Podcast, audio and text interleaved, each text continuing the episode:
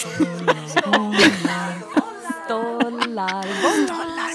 stollar, bollar, stollar, bollar med Karin, Petra och Björn.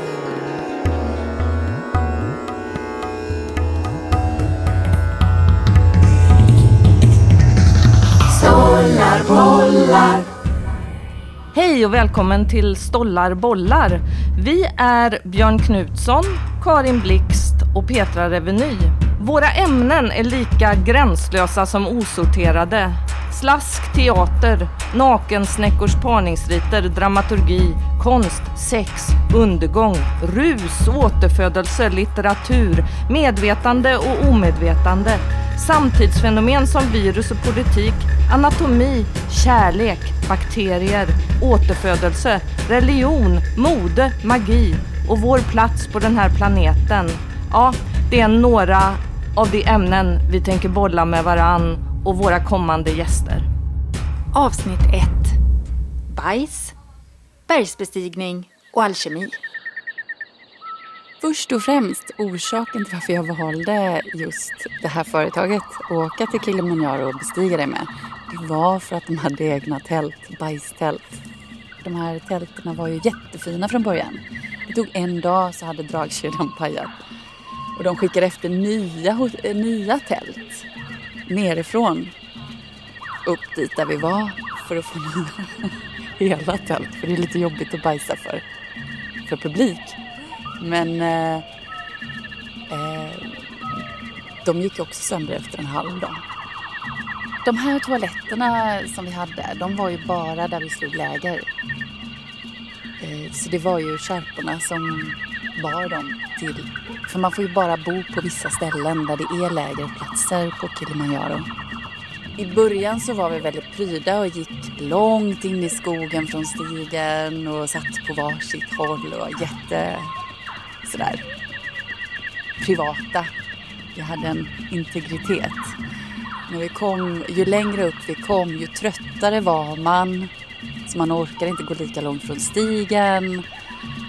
Man orkade inte heller bry sig om om folk såg det mest intill. Inte riktigt så men så i slutet, de sista dagarna, så kunde vi ju gå undan, sätta oss där andra uppenbarligen har bajsat tillsammans och sitta och diskutera bajskorvarna, hur stora de är. Så man blir lite avtrubbad. Och det går ganska fort. Den här resan var bara tio dagar.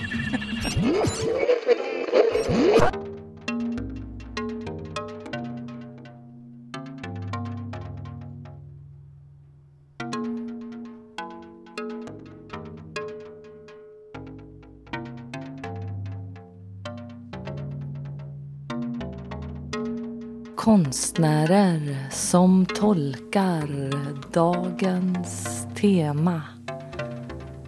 Maurits Tistelö och Janne Kemi.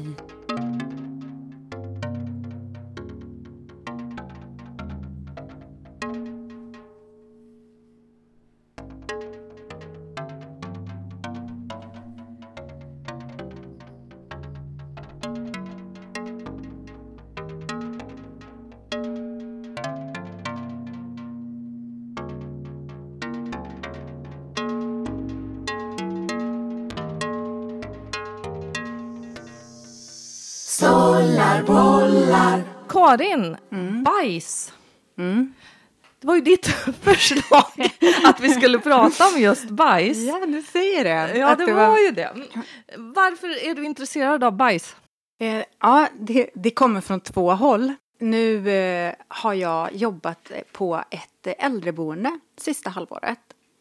Och eh, då helt plötsligt så har bajs tagit plats i mitt liv på ett helt annat sätt än vad det har gjort förut kan jag säga. Även om jag liksom har jobbat extra som personlig assistent och så vidare. Så att det är inget nytt det här med att eh, torka andras bajs. Nej, precis. Men på vilket sätt menar du att det har tagit större plats nu i, ja, i ditt liv? Rent eh, praktiskt och faktiskt att jag ägnar mer tid åt bajs för det är en del av min eh, yrkesroll när jag är vårdbiträde. Och det slog mig att det på många sätt är en väldigt eh, udda situation. Att man är så extremt nära en människa och tar hand om det mest privata för den här människan. Och hur vi efter en människa har bajsat så skriver vi upp hur mycket det var, om det är liksom stort A eller ett litet A. Ja, men eh, det var intressant när du sa det här igår när vi började prata om bajs. Det var att jag mindes just detta som du pratade om, så det väckte just minnen. Jag kommer ihåg de här schemana som vi hade där man skulle redovisa lilla A och stora A och ja, precis vad man släpper ifrån sig. Och jag fick också en annan, ett annat väldigt starkt minne som handlade om min eh, moster som hamnade i rullstol. Mm. Och hur mycket av eh, min mammas oro handlade just om magen och, och hur, man, hur man skulle få ut bajset. Ja, och de här situationerna när man tar hand om en människa som bajsar och fixar det åt den. Det är, det är väldigt, i mina ögon, ärliga situationer. Det är liksom inte det roligaste med jobbet. Det är ju ingen som ska inbilla sig. Men, eh, men det är väldigt ärliga situationer. Vad menar du då när du säger en väldigt ärlig situation? Menar du själva mötet? Jag menar att, eh, att eh, man eh, låter en annan människa få se eller är tvungen att låta en annan människa få se någonting som man aldrig skulle visa annars och som, som vi ju försöker dölja för varandra. Att, mm. vi, att vi bajsar liksom. Det, mm. det har vi särskilda rum för. Precis. Du, du sa också någonting jätteintressant eh, annat som jag har tänkt på. Du sa att det är bara skurkar i, i eh, berättelser som man får se bajsa. Är det så? Ja, men eh, jag vill mena att du hittar oerhört mycket fler antagonister eller skurkar som, eh, som kissar och bajsar på film. Ifall det är mainstream i alla fall. Eh, hjältar, poliser, kan du, du kan ofta se dem på en urinoir. De står med ryggen emot, de står lite bredbent och det kanske kommer någon skurk bakom. Men det låter aldrig någonting. Men när skurken kissar. Jag, jag tänkte också att ibland så ser man i såna här eh, spanska filmer eller när man ska visa en vacker kvinna bli intim. Alltså jag, jag ser ganska många sådana bilder framför mig med just kvinnor som finkissar. Finkissar? Eh, finkissar, det är så här när man har älskat i en scen då tjejen går och kissar och drar ner trosorna och alltså sådana scener. Mm. Men jag, kan, jag, jag har inte tänkt på detta fenomen. Men när du, när du, pra, när du säger det så, så förstår jag eh, vad du menar. Jag kan nämna ett exempel som eh, säkert många känner till den här filmen Schindler's list. Där har vi den, den eh, jättejobbiga nazisten i koncentrationslägret och han har en judinna som, som slav, som hushållerska. Och vi, vi är hon. Vi följer henne, hon är protagonisten. Och eh, vi är med henne och så hör vi honom kissa i ett annat rum och, och skvala jättemycket. Och man känner, ja, man känner liksom avsmaken för, för den här nazisten som kissar till råga på allt ovanpå att han är nazist. Att det är fortfarande då, tolkar jag det som, någonting vi, vi inom oss känner är lite, lite fult, lite dåligt. Kroppen och kroppens funktioner.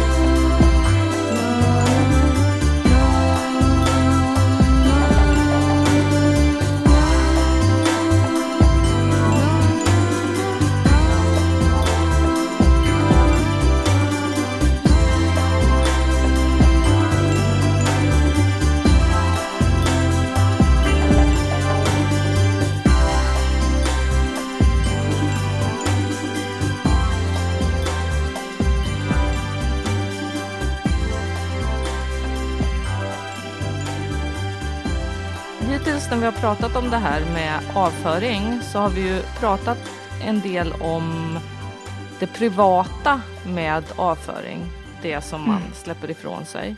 Jag har tänkt på en annan sak som handlar om hur vi förhåller oss till kroppsliga problem i och med att vi blir äldre. Och Det handlar också om det här med hur vi berättar historier i vår kultur och hur vi värderar äldre människor. För vi prioriterar ju väldigt mycket framgång, att kunna göra saker. Inom storytelling eller historieberättande så pratar man ju om den här hjälten som ger sig ut, erövrar och liksom besegrar draken och tar hem skatten. I olika former och i olika genrer så, så, yeah. så, finns det en slags stark huvudkaraktär. Och vi pratar också om vad är huvudkaraktärens styrka och vilja och drivkraft. Det är ju sådana ord som vi använder och det är ju så vi tänker på framgångsrika människor. Men när man blir äldre så är man ju inte längre den här framgångsrika produktiva människan utan då fastnar man i kroppens funktioner. Och jag läste om någon som skrev att när man är ung då är kroppen människans vän och bundsförvant. Sen blir man äldre och då börjar kanske man behöver kompromissa med den här bundsförvanten. Det kanske inte är ens ens allra bästa vän. Och när man blir äldre, om man har otur, så kan man börja uppfatta sin egen kropp som någonting främmande, som en motståndare. Som, som någonting som man måste besegra varje dag för att ta sig vidare.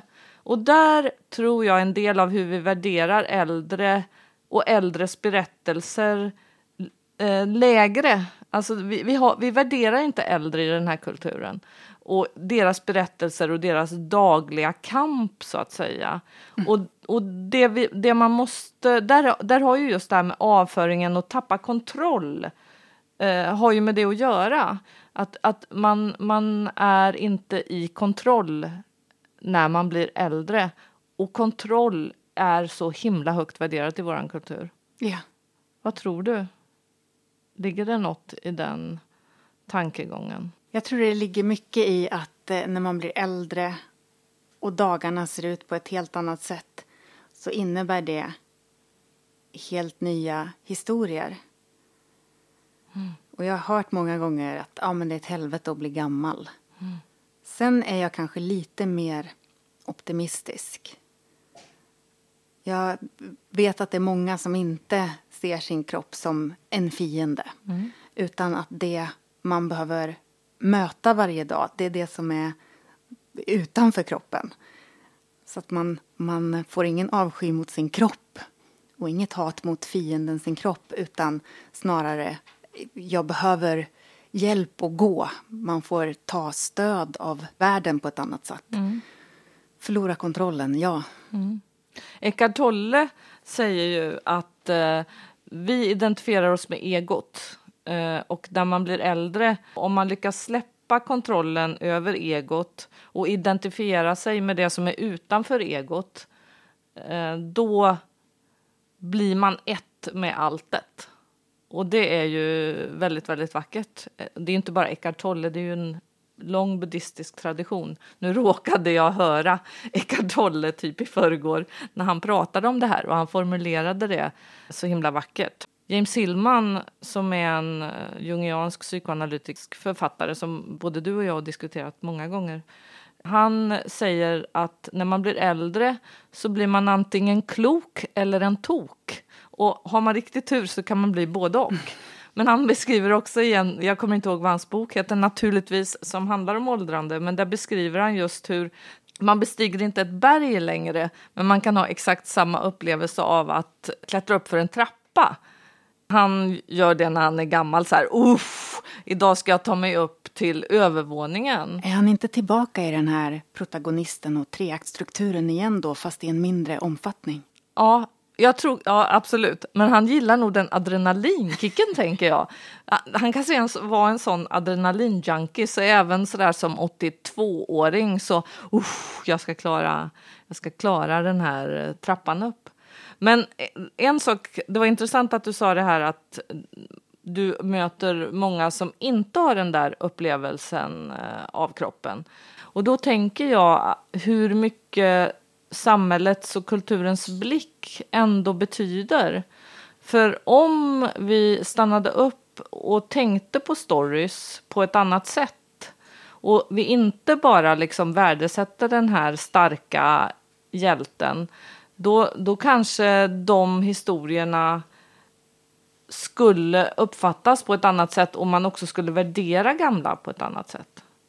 Jag tror att det håller på att hända nu de tendenserna ser man ju redan. Egentligen hade hon burits omkring på ett fönster hela livet. Och letat efter en plats att lämna det på. Nu orkade hon inte bära det längre. Satte ner det på en bänk. Där hittades fönstret nästa kväll och bars in i en tunnel och monterades upp på en tunnelvägg. Nästa dag när hon var ute och gick kom hon gåendes genom tunneln och upptäckte fönstret. Då öppnade hon fönstret och gick ut genom fönstret, genom tunnelväggen och kom ut på gatan igen. Men nu bar hon på en tunnel.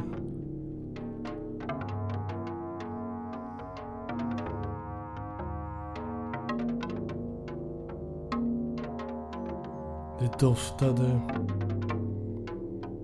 av vita servetter som malts ner i fickorna. Och busschaufförerna hörde ljudet genom plåten hörde hur hon bar iväg på tunneln.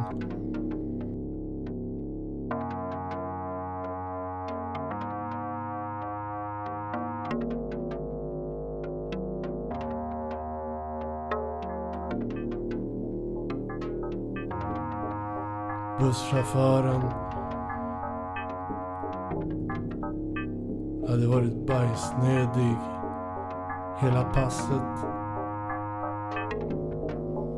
gällde att lära sig att hålla sig. Så att det inte började rinna ner blod i fickorna. Så att servetterna lösgjorde sig från huden och klättrade in i trädstammen och drog upp rötterna.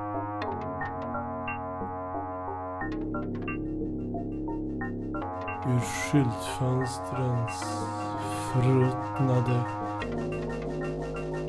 leenden. Stollar, bollar.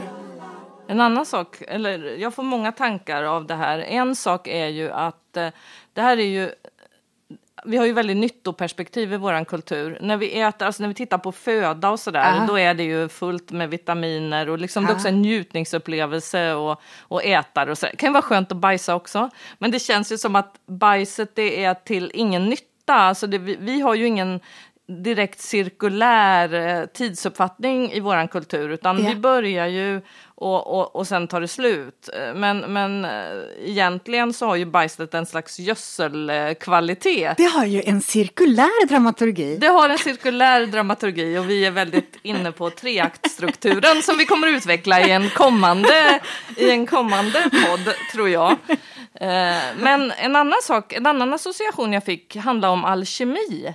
Alltså hur, läran om hur man, hur man gör guld, som ju man höll på med väldigt mycket till exempel på medeltiden. Man hade ju en idé om att, att på något vis skulle människan genom en process lära sig att göra guld. Och då är ju det första råmaterialet som man kallar prima materia i, i alkemistiska gamla skrifter, det är ju faktiskt bajs. Så genom att ta bajs eh, tänkte man, och man höll ju på under medeltiden med konkret bajs alltså. Det handlar ju om att elda, kyla ner, det handlar om att processa bajs och genom de här olika processerna så, så skulle det slutgiltiga, eh, det högsta skulle vara Ja. guld på något sätt. Strindberg höll ju på med det till exempel. Det finns ju otroligt många människor. Ja, men han höll ju på med alkemi. Mm. Men höll han på med bajs? Det vet jag inte, men det antar jag att... eh, Det, jag kan inte säga att Strindberg höll på med bajs, men, men han, han trodde ju som man gjorde förr. Eh, när man höll på med alkemi, när man trodde att det, hade en, att det fanns en eh, eh, okult en okult eh, del som handlar om magi och eh, så länge man trodde det så var man väldigt faktisk. Så jag antar att prima materia, det finns ju andra saker som folk har sagt är prima materia, avklippt hår, naglar, eh, skelett, alltså prima materia, det var ju ett slags forskande i vad är det lägsta. Sen eh, så har man ju övergått till att dela på kemi och psykologi. Så nu för tiden så, så tänker nog många som kanske skulle ha hållit på med alkemi att det där är en symbolisk bild för psykets utveckling. Att, att vi börjar väldigt lågt och sen på något vis så utvecklas vi. Man kan också se prim, eh, alkemistiska stadier som en konstnärlig utveck, utveckling Ja. i olika faser. Men, men ursprungligen så handlar det ju om hur kan bajs bli guld? Det är frågan. Vi hade ju väldigt strikta regler så vi fick med oss bajspåsar. Jag hade faktiskt med mig egna bajspåsar för jag är van. Jag lägger inte papper i naturen. Ju högre upp du kommer, ju närmare vägen ser du bajspapper och kisspapper. Och när du kommer sista etappen innan toppbestigningen, då var det nästan vid vägen. Jag tycker det värsta var ju batterierna som, och sånt skräp som verkligen var fullt precis innan det lägret som är det sista innan. Där var det riktigt skitigt. Och det gör mig ledsen. För batterier det försvinner inte från miljön. Så bajs det är ändå organiskt. Eller ja, det beror på vad folk har ätit i och för sig. Vissa äter ju kanske inte riktigt. Jag samlar solljusets ilska i armvecket. Jag samlar det förmultnade regnet i ansiktet till en blöt fläck. Jag går i en blöt fläck med ryggen full av röd vallmo. Jag samlar en säng av röd vallmo till ett avlångt jordklot. Jag studsar mot stjärnorna till ljudet av fastfrusna moln. Jag hugger ut den skrotiga vinden ur en vibrerande ton. Jag lägger allt som samlats in, ilskan, fläckarna, tonerna, på tork. När jag torkat mig ordentligt tvättar jag händerna och går ut i vänthallen. Med ett fönster under ena armen och en tunnel.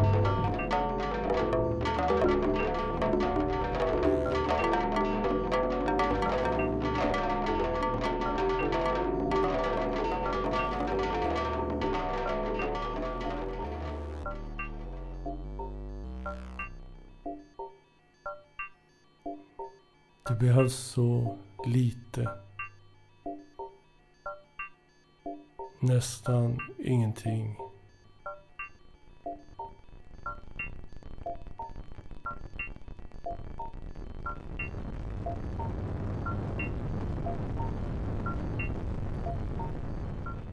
Ett grässtrå.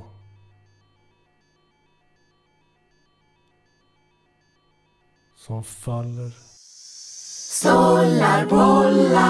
En grej man eventuellt skulle kunna ta med här som är rätt spännande det är ju eh, bajstransplantationer. Ja. Man, man ger bajstabletter till, alltså dragerade, till folk som har stora problem med sina magar. Och det är bajs från människor med väldigt mycket bra tarmbakterier då. Vilket gör att de läker. För ett sätt att flytta över bakterierna helt enkelt. Det låter ju väldigt sunt. Eh, Mycket bättre än... Alltså man, vid första gången man hör det ska man tänka så här, oh, jag vill inte äta någon annans bajs. Men eh, det vill man visst det, om det är tillräckligt eh, nyttigt. Det är ju egentligen absurt att vi har en stol som är designad för att kissa och bajsa i. och som innehåller dricksvatten. Det tycker jag är väldigt absurt. Även i, Det när, visste inte jag. när vi var i Arizona, även där mitt i öknen, så där de har alltså brist på vatten i perioder, så var det dricksvatten i toaletterna. Om man åker till månen så ligger det fyra påsar avföring av eh, Neil Armstrong som han lämnade kvar från sin månresa där. Det tyckte jag också var väldigt märkligt. Men det kanske är lite som sengångaren som bajsar en gång i veckan och då kramar den ett träd samtidigt för att liksom få ut det. Och sen utför den en bajsdans. Sen också under andra världskriget så körde tyska eh, pansarvagnar över kamelbajs. Och därför placerade de allierade minor eh, i bajset. Många miste livet tack vare att de ville köra över kamelbajs. Ja, min kompis Ella Edgren, hon eh, besteg ju Kilimanjaro för några år sedan. Och eh, där på Kilimanjaro så tog mänsklig skit en oväntat stor plats. Och bajs, det är ju en sak. Men mänsklig skit i form av batterier, av plast som folk bara slänger ifrån sig på den här eh, nästan heliga platsen, det här berget. Och jag tyckte det var så speciellt att höra för samtidigt som det var den här man ser framför sig den här fantastiska upplevelsen så blir det också som att eh, det här berget är en sorts eh, rastficka när man är på väg till Årgäng och åker in och ska kissa. Mm. Ja, men det var hon vi hörde i början av avsnittet, eller hur? Ja men det var ju det. Hon, hon snackar lite mer här. På höjd så är det ju lätt att man blir dålig i magen. Det är vedertaget. Jag vet inte varför. Men en kvalificerad gissning är att kroppen jobbar så hårt med att ta till det syret som finns och ge det till de vitalare delarna. Eh, så att ja, man blir dålig i magen helt enkelt. Jag blev jättedålig i magen. När jag, vilket jag själv kan tycka var bra. Eh, för jag var ju vaken hela nätterna. Och eftersom inte tält, eh, den här eh, toalettältdörren fungerade, utan den var ju helt öppen, så satt jag i mörkret och tittade på Vintergatan. Och sen satt jag och tittade ner på städerna där man såg lysen. Så kunde man se molnen som skymde delar av staden. Det var magiskt. Jag satt och sjöng och ja, jag hade det jättebra. Det var som att den var som ett tak, jättenära. Jättespeciellt, väldigt vackert.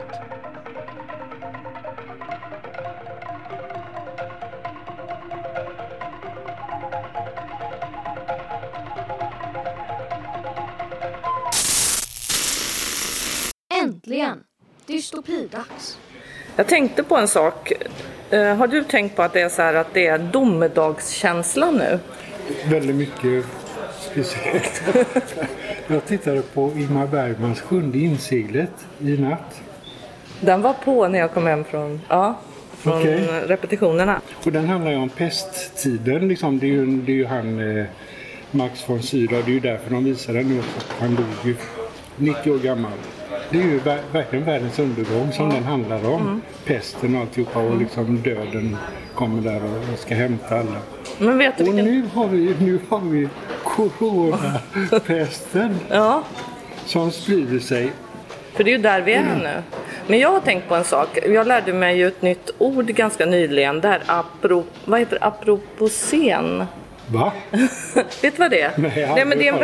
Ap, a, alltså, jag, apropocen.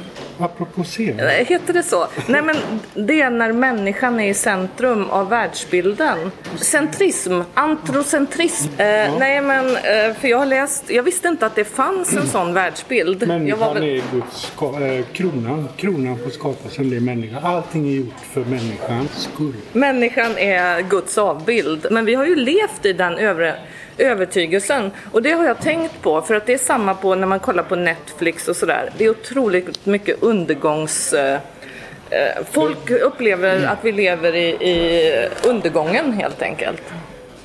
Och det, det skildras på många olika sätt. Men jag tänker att det kommer nog att hända, det, det är ju människan som kanske går under.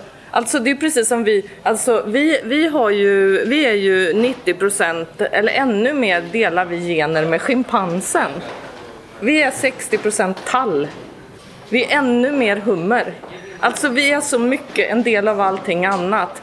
Av en människa så är det bara 10% som har mänsklig DNA. Resten är bakterier. Men Fast det kanske inte är så mycket kvantitet, det kanske är kvalitet. Så de 10 procenten, eller vad sa du, hur mycket Ja, var? 10% av, de, av Ja, dig. de är högkvalitativa, kanske, men man vet inte. Nej, men jag tänkte att det kanske är där, det, jag fick en insikt. Det kanske är på grund av att vi känner att eh, eh, vi börjar bli mer relativiserade gentemot andra djur. Det är precis som jag läste om, eftersom jag har den här hunden Bruno nu då, Ja. att hundar har ju en otrolig empatiförmåga och kan lära sig tusen människoord. Är det så mycket? Hur många hundord kan du? Va? Uff. Nej men jag menar, det kanske är därför vi har en sån undergångskänsla tänker jag. Därför att våran egen roll i skapelsen relativiseras i rekordfart. Jag hänger inte med. Vi är inte längre människan, eh, vi är inte längre kronan på verket.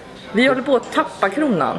Nej, jag tror faktiskt inte det. Jag Du tror, gör inte nej, det? jag tror vi fortfarande är extremt självfixerade. Det tror jag det med. finns ingenting annat som betyder någonting än människan. Och i människa, bland människor så är det jag som betyder mest. Tror du människor fortfarande har den upplevelsen? Absolut, jag är helt övertygad. Speciellt det här med, med eh, i, jag tror i varje tid så tror jag faktiskt att det går omkring med en väldig massa människor som tänker det här är den sista tiden. Vi är den sista generationen.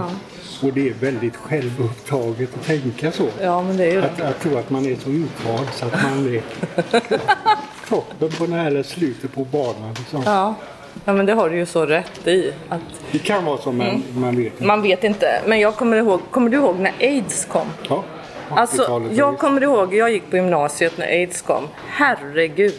Alltså det var ju det panik. var undergång. Det var verkligen undergång. Det här är straffet. Ja. Det här är för att vi har burit oss så frimodigt åt. Ja men det var ju verkligen så. Och att, då tänkte jag, aids slår verkligen till hårt för det har med blodet att göra. Att, att, att aids eh, rör sig i blodet, att det fick liksom någon slags symboliskt värde. Och nu känns det väldigt typiskt att eh, coronaviruset är smittat från vilda djur. De inte bara tror, det är väl det enda de vet. Men längtar vi efter en katastrof? Jag tror vi behöver det. Är det en sån där dö- destruktiv dödslängtan? Nej, det tror jag inte. Utan jag tror det är brist på andlighet. Alltså, vi lever i ett sånt sekulariserat... Alltså, man tror på massa olika saker men det finns inga ceremonier som, är, som betyder någonting. Nej. Nyår, midsommar. Det är liksom de enda som folk tar på allvar. Och då super vi. Och då super vi ja. Det har vi alltid gjort.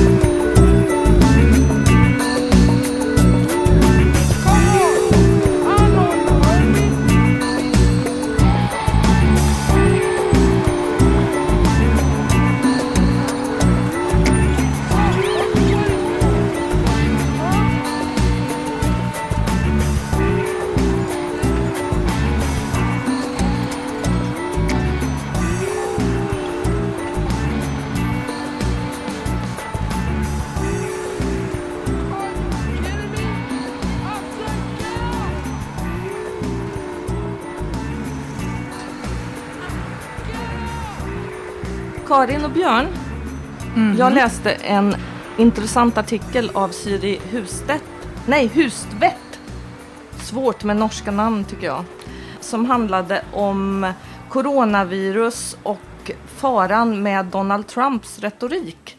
Och då tänkte jag på ett samtal som vi haft en gång Karin, när du förklarade för mig hur folkmord är möjliga. Hon pratar nämligen om och den här artikeln kan man läsa på hennes hemsida. Det är bara att googla på hennes namn. Hur Donald Trump pratar om den amerikanska nationen nu i dessa coronatider som en vit maskulin kropp. Och hur han beskriver andra raser eh, som en infektion och en eh, bakterie. Man kan nästan bli chockerad över det. Vi pratar ju inte om ras i Sverige.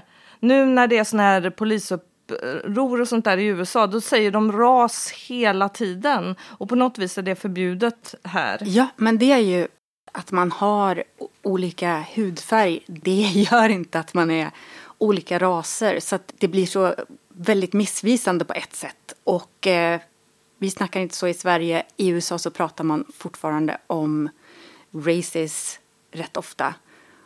Och jag tror det beror på att de har ännu mer åtskilda liv beroende på om man är vit eller svart. Olika möjligheter, olika liv. Hon skriver om språket som maktfaktor och hur man skapar en bild av USA med hjälp av de här termerna.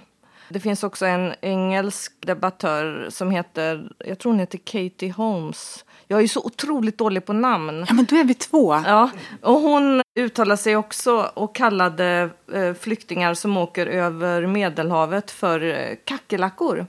Men kan inte du påminna mig om de där stegen som du pratade om? Hur, Ja. För man frågar sig ofta, hur är det möjligt med folkmord till exempel? Ja, och det vi pratade om då, det var ett museum som ligger strax utanför Marseille. Och det är en eh, gammal fabrik där de internerade judar och konstnärer under Vichy-regimen för att sedan transporteras till Auschwitz och, och gasas då. De har gjort om det här till ett eh, museum och sparat den konst som eh, de internerade skapade där inne på väggar och tak och golv. Det som man får röra sig igenom de eh, källargångarna och de fasansfulla områdena där de var fängslade. Och så har de lyft fram bilderna på väggarna, dikterna på väggarna. Och tillsammans med det här så har de också gjort en utställning och forskning om folkmord. Och det första steget enligt den forskningen som finns idag till vad som leder till att man mördar sina grannar, sina vänner och inte ser dem som människor, det är språket. Ett folkmord börjar med ord, med hur vi pratar med varann och om varann. Det börjar med en dehumanisering, det vill säga man får in i språket att det finns några ibland oss som inte är människor. Kackerlackor är ett jättetydligt exempel på detta. Och råttor. Råttor. Nu, jag eh, googlade nu, för jag sa ju Katie Holmes, så det var ju hon som var ihop med Tom Cruise. Hon, hon, hon, Hon är oskyldig. hon är oskyldig. Hon heter ju Katie Hopkins, den här eh, kvinnan i, i England Ja. som har en väldigt hård retorik. Ehm, Nej, men det börjar med, med språket. Hur vi pratar om varandra spelar roll. För från den, från den dehumaniseringen, att man gör andra till någonting som är inte jag, det är, det är till och med inte en människa. Så kan man börja separera sig från den andra så mycket, sluta leva sig in i den andres liv så mycket. Att man till slut ser den här andra som en kackerlacka. Och då är det inte så farligt att ha ihjäl den kackerlackan Nej. för att göra rent och fint igen. Precis. Empatin dör. Och det är därför jag tänkte på när jag tittade på CNN i morse. Eh, som jag tittar väldigt mycket på. Då var det en svart polischef eh, chef som pratade om och fick pratade om vad som håller på att hända i USA, Black Lives Matter-rörelsen. Och han sa precis exakt det när han fick frågan hur är det möjligt att svarta blir skjutna på det här sättet med uppenbara rasistiska undertoner. Och då sa han att de ser inte att vi är människor. Om man tar tillbaka det till Donald Trumps språkbruk då. Så, så finns det nästan som kodord. Istället för att säga svarta så säger han looters, det vill säga plundrare. Ja. Och, och antyder på så sätt att de som är ute och demonstrerar det är sådana allihopa som går in och plundrar affärer. Och ja, men vi vet vilka det är. Han kallar dem thugs. Vilket också då blir ett, eh, ett, ett sorts kodord. Mm. Och det hon tog upp då, eh, Siri, det var att han har vid flera tillfällen kallat människor då som inte är amerikaner, kineser och mexikaner framför allt, för infektioner som sipprar in i vårt land. Ja. Det är lurigt det där med eh, språklig retorik. Just eftersom man reagerar själv på när ras pratas om på det här sättet.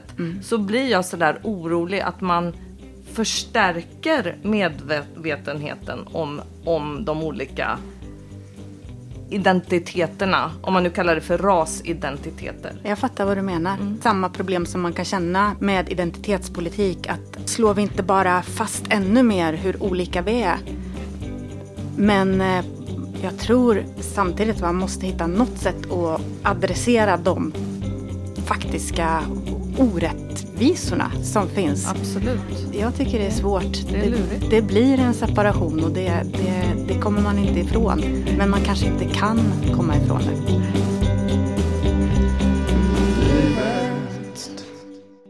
Karins naturruta.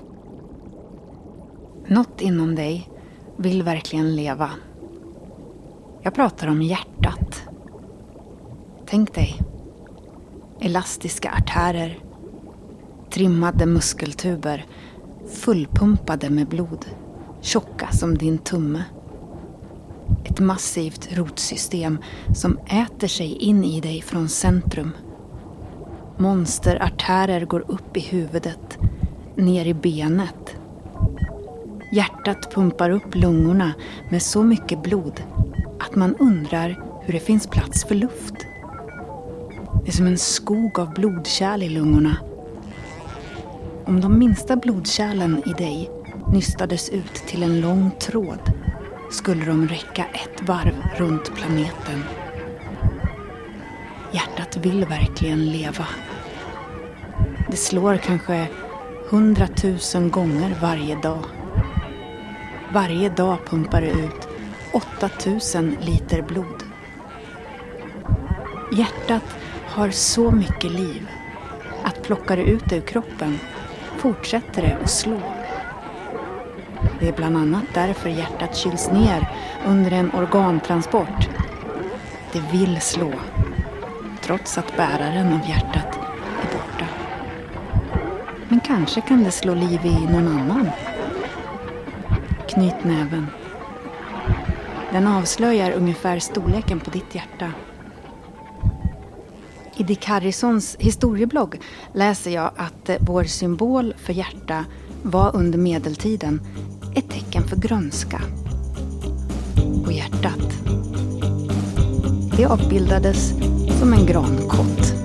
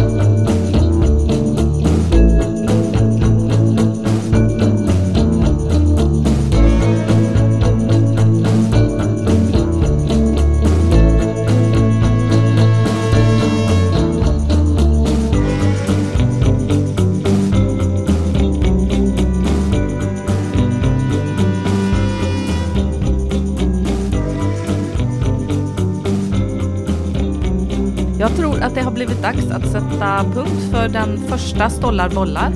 Ja, Vi ska berätta tycker jag att stollarna som bollar det är ju du Karin.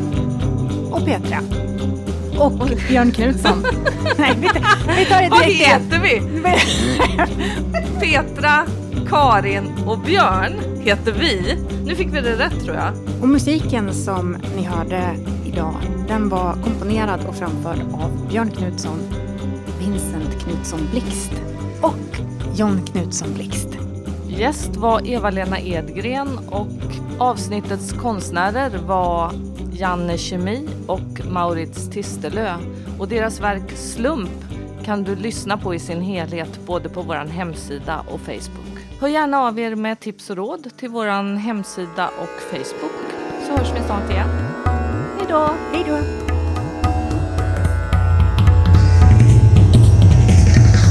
Stollar, bollar,